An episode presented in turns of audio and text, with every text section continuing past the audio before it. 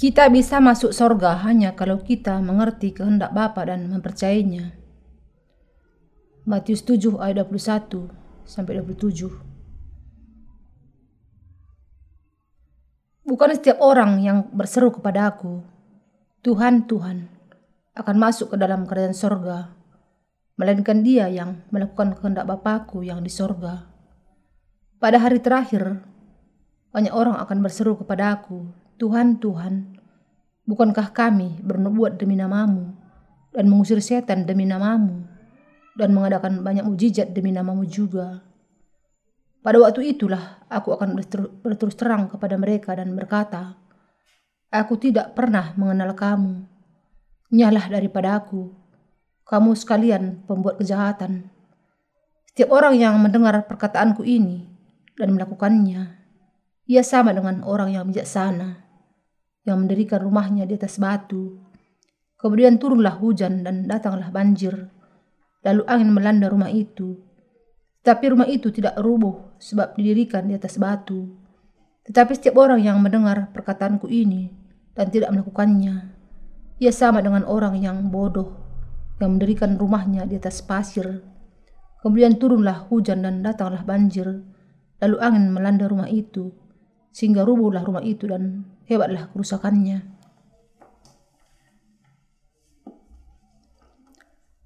Di dalam bagian di atas, Tuhan kita mengatakan, Bukan setiap orang yang berseru kepada aku, Tuhan, Tuhan, akan masuk ke dalam kerajaan sorga, melainkan dia yang melakukan kehendak Bapakku yang di sorga.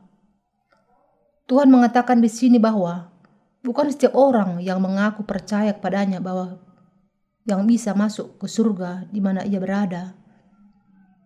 Tetapi hanya orang-orang yang melakukan kehendak Bapa yang bisa masuk ke surga. Di hari penghakiman terakhir, ketika banyak orang sudah percaya kepada Yesus memprotes dia dan mengatakan, Tuhan, Tuhan, bukankah kami bernubuat demi namamu dan mengusir setan demi namamu dan mengadakan banyak mujizat demi namamu? Tuhan kita tidak bisa tidak berkata kepada mereka, "Kamu pelaku kejahatan, jadi aku tidak mengenal kamu. Pergilah daripada aku, orang-orang yang melakukan kejahatan." Tuhan kita mengatakan kepada kita, setiap orang yang mendengar perkataan perkataanku ini dan melakukannya, ia sama dengan orang-orang yang bijaksana, yang mendirikan rumahnya di atas batu. Kemudian turunlah hujan dan datanglah banjir. Lalu angin melanda rumah itu. Tetapi rumah itu tidak rubuh sebab didirikan di atas batu. Tetapi setiap orang yang mendengar perkataanku ini dan tidak melakukannya, ia sama dengan orang yang bodoh yang mendirikan rumahnya di atas pasir. Kemudian turunlah hujan dan datanglah banjir. Lalu angin melanda rumah itu, sehingga rubuhlah rumah itu dan hebatlah kerusakannya. Matius 7 ayat 24 sampai 27. Demikianlah Yesus mengatakan di sini bahwa orang-orang yang mendengar firman Tuhan dan percaya serta mentaatinya adalah seperti orang-orang bijaksana yang rumah imannya dibangun di atas batu, sementara mereka yang tidak demikian akan melihat bahwa iman mereka akan rubuh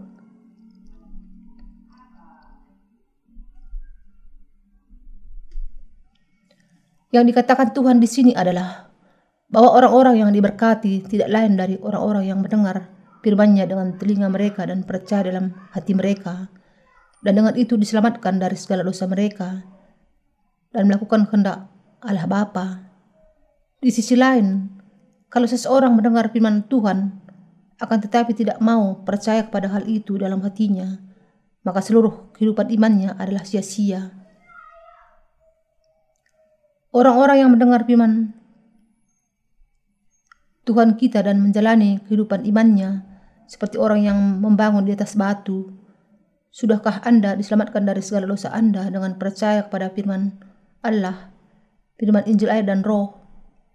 Orang-orang yang sudah diampuni dari segala dosa mereka sekali untuk selamanya dengan percaya kepada Injil air dan roh akan menjalani kehidupan mereka dengan melakukan kehendak Bapa. Dengan iman ini memiliki akar dalam firman Allah. Orang-orang yang demikian tidak hanya memberitakan Injil air dan roh kepada semua orang di dunia ini, tapi mereka juga sungguh-sungguh mengasihi saudara-saudara siman mereka. Dengan kata lain, karena mereka percaya kepada Injil air dan roh, firman Allah, mereka ingin menunjukkan iman mereka yang benar itu dengan tindakan mereka.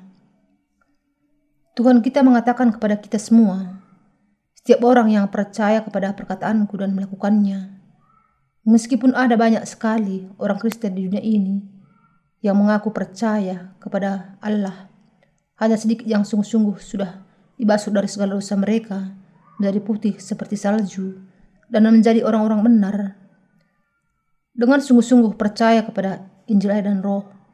Akan tetapi masih ada orang-orang yang sudah menerima pengampunan dosa dengan mendengar dan percaya kepada Injil dan Roh yang dengan itu sudah mempertahankan iman mereka dan melaksanakan iman itu dalam kehidupan nyata. Dan semakin banyak orang yang memahami bahwa Injil air dan roh adalah Injil yang benar. Tetapi kami tetapi kalau seseorang yang percaya kepada Injil air dan roh di dalam hatinya, maka ia harus memberitakannya kepada orang lain. Orang-orang yang tidak melakukannya akan melihat bahwa iman mereka akan rubuh. Akan tetap ada beberapa orang yang hanya mengatakan bibir saja kalau mereka percaya kepada Injil air dan roh.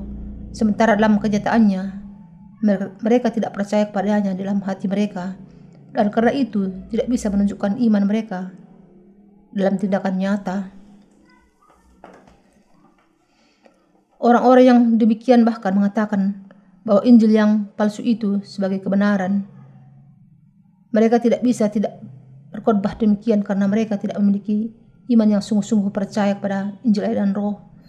Tetapi kita tidak bisa memberitakan Injil lain yang mana pun kecuali Injil air dan roh.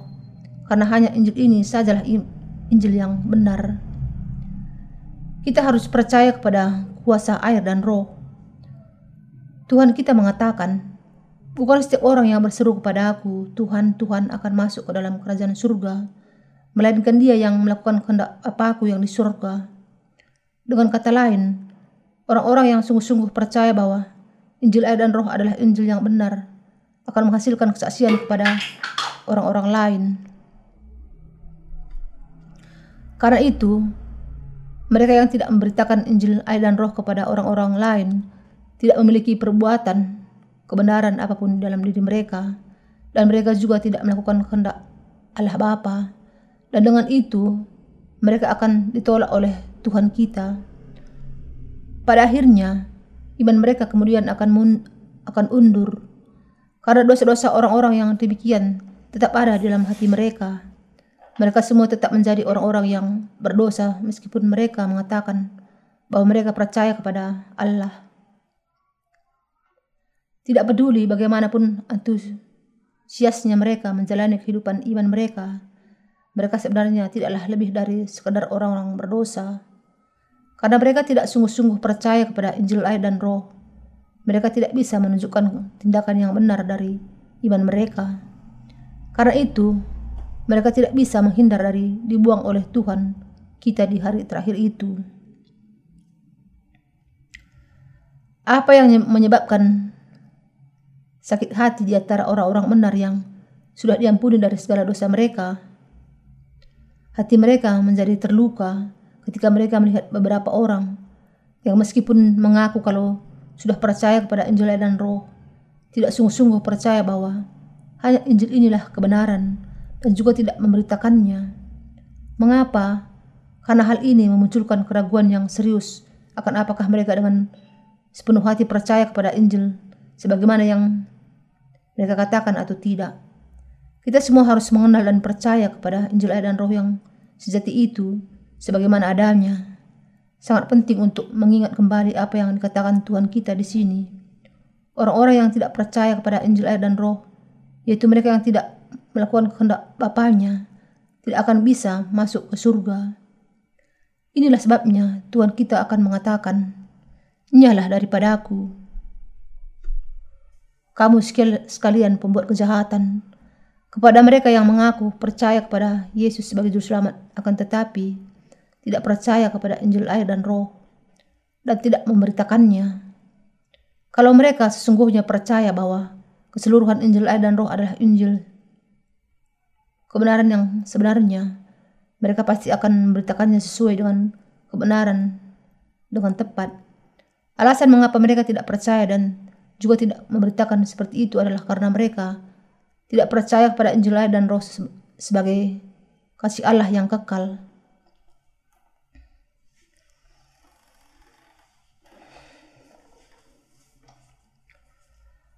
Karena mereka tidak sungguh-sungguh percaya kepada Yesus sesuai dengan firman keselamatan dari Tuhan dan hukum keselamatannya. Mereka tidak memiliki kebaikan apa pun yang menunjukkan bahwa mereka sudah hidup seturut dengan kehendak Bapa. Mungkin mereka mengatakan, Bukankah kami bernubuat demi namamu dan mengusir setan demi namamu dan mengadakan banyak mujizat demi namamu? Tetapi pada akhirnya, mereka tidak percaya kepada Injil air dan roh dan yang mereka lakukan hanyalah mujizat yang palsu. Tuhan kita akan bertanya kepada orang-orang demikian yang melakukan kejahatan dan bukannya percaya kepada Injil dan Roh. Apa yang sudah kamu lakukan untukku? Apakah kamu melakukannya, melakukan mujizat dan tanda ajaib? Lepas dari semuanya itu, apakah kamu sungguh-sungguh percaya kepada Injil dan Roh yang kuberikan kepadamu dan apakah kamu, kami menjalani kehidupan ini dengan iman ini? Apakah kamu sungguh-sungguh percaya bahwa aku menanggung segala dosa dunia dengan dibaptiskan oleh Yohanes Pembaptis? Bahwa aku mencurahkan darahku di kayu salib bagi kamu dan bahwa tidak lain dari keselamatan ini saja yang menghapuskan segala dosa dunia?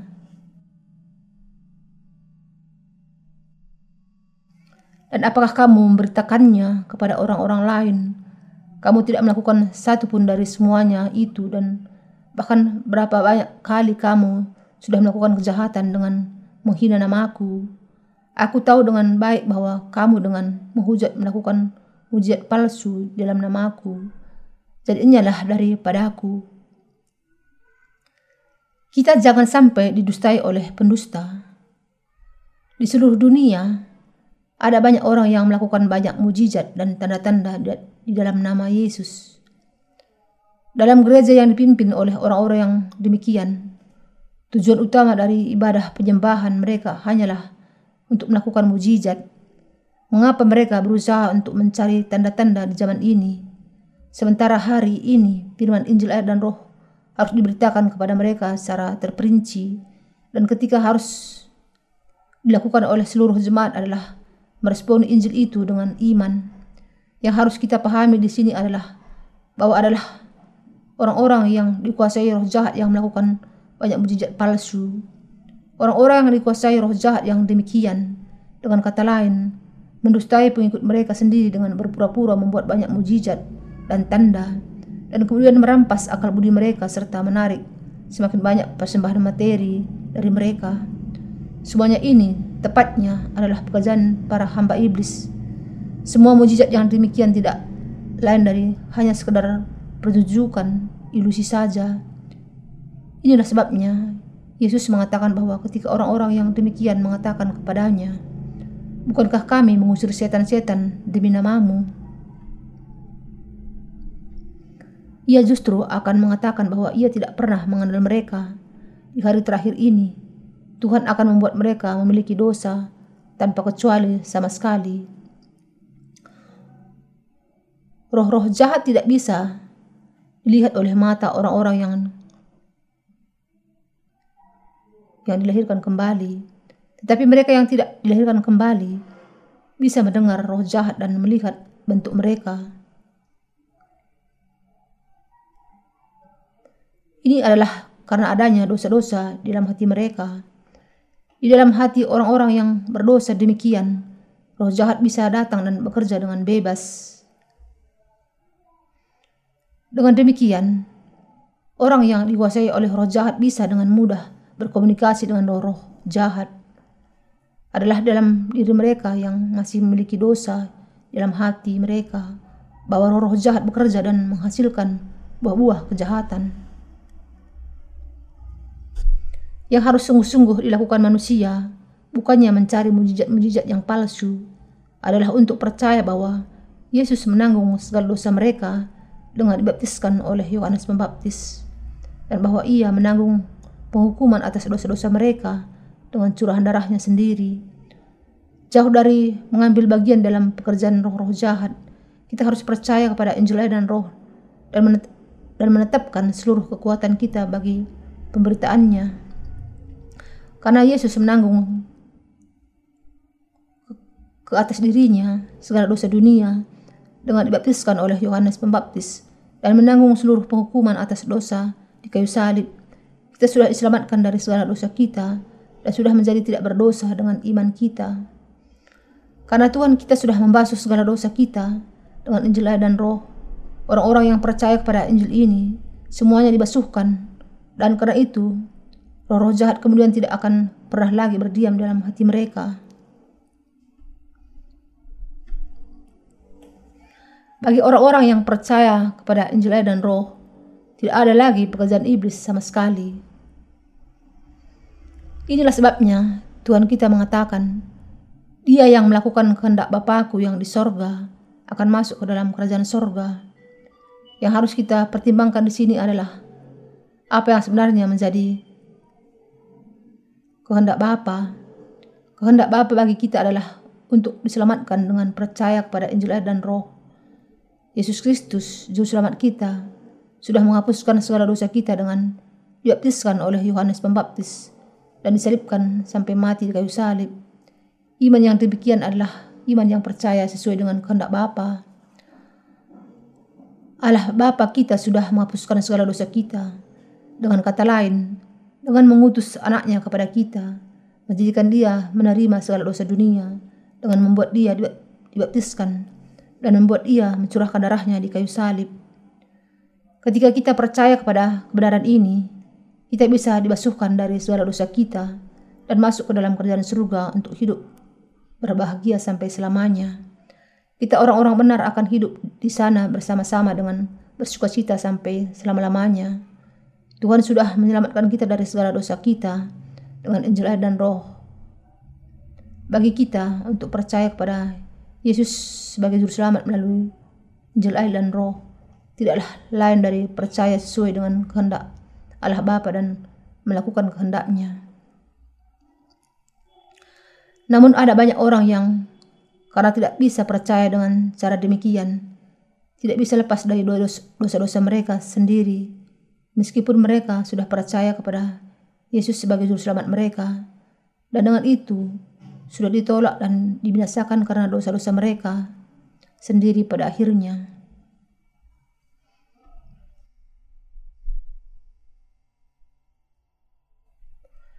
Karena mereka tidak percaya kepada Injil dan Roh dan dengan itu tidak mampu untuk melakukan kehendak Bapa dengan iman. Ketika hari terakhir itu datang, iman mereka yang berasal dari pemikiran mereka sendiri, semuanya akan rubuh dan runtuh adalah karena orang-orang itu tidak percaya kepada firman Injil dan Roh, sehingga mereka ditolak oleh Tuhan pada hari terakhir. Hal yang sama juga berlaku untuk Anda. Kalau Anda menolak Injil dan Roh saat ini, Anda akan mendapati diri Anda akan ditolak oleh Allah di kemudian hari. Tuhan Yesus kita mengatakan bahwa para malaikat akan datang di masa terakhir memisahkan antara orang-orang jahat dan orang-orang benar dan membuat orang-orang jahat ke dalam perapian yang menyala-nyala. Matius 13 ayat 49 sampai 50. Saudara-saudari, siapakah orang-orang jahat di antara orang-orang benar? Tuhan kita sudah mengatakan dengan jelas dan terbuka bahwa adalah dengan Injil ayat dan roh bahwa ia sudah menyelamatkan kita dari segala dosa kita. Akan tetapi, Meskipun demikian, masih ada orang-orang yang tidak percaya kepada Injil ini, yang bukan hanya berkompromi dengan dunia, tetapi bahkan juga berpihak kepada dunia. Orang-orang jahat itu tidak lain dari orang-orang yang demikian. Saudara dan saudari, tidak ada dua Injil yang benar. Juga Yesus bukan dua, tetapi hanya ada satu, Yesus. Tidak ada cara yang lain bagi kita untuk masuk ke surga kecuali dengan percaya kepada Injil air dan roh. Injil yang dengannya Yesus sudah menghapuskan segala dosa kita. Injil air dan roh ini sudah menghapuskan segala dosa kita. Anda harus memahami bahwa kalau Anda percaya kepada kebenaran ini, jalan yang akan dibukakan bagi Anda untuk bisa hidup seturut dengan kehendak Allah Bapa. Injil air dan roh pastilah akan membuat Anda memahami apakah kehendak Allah Bapa sesungguhnya.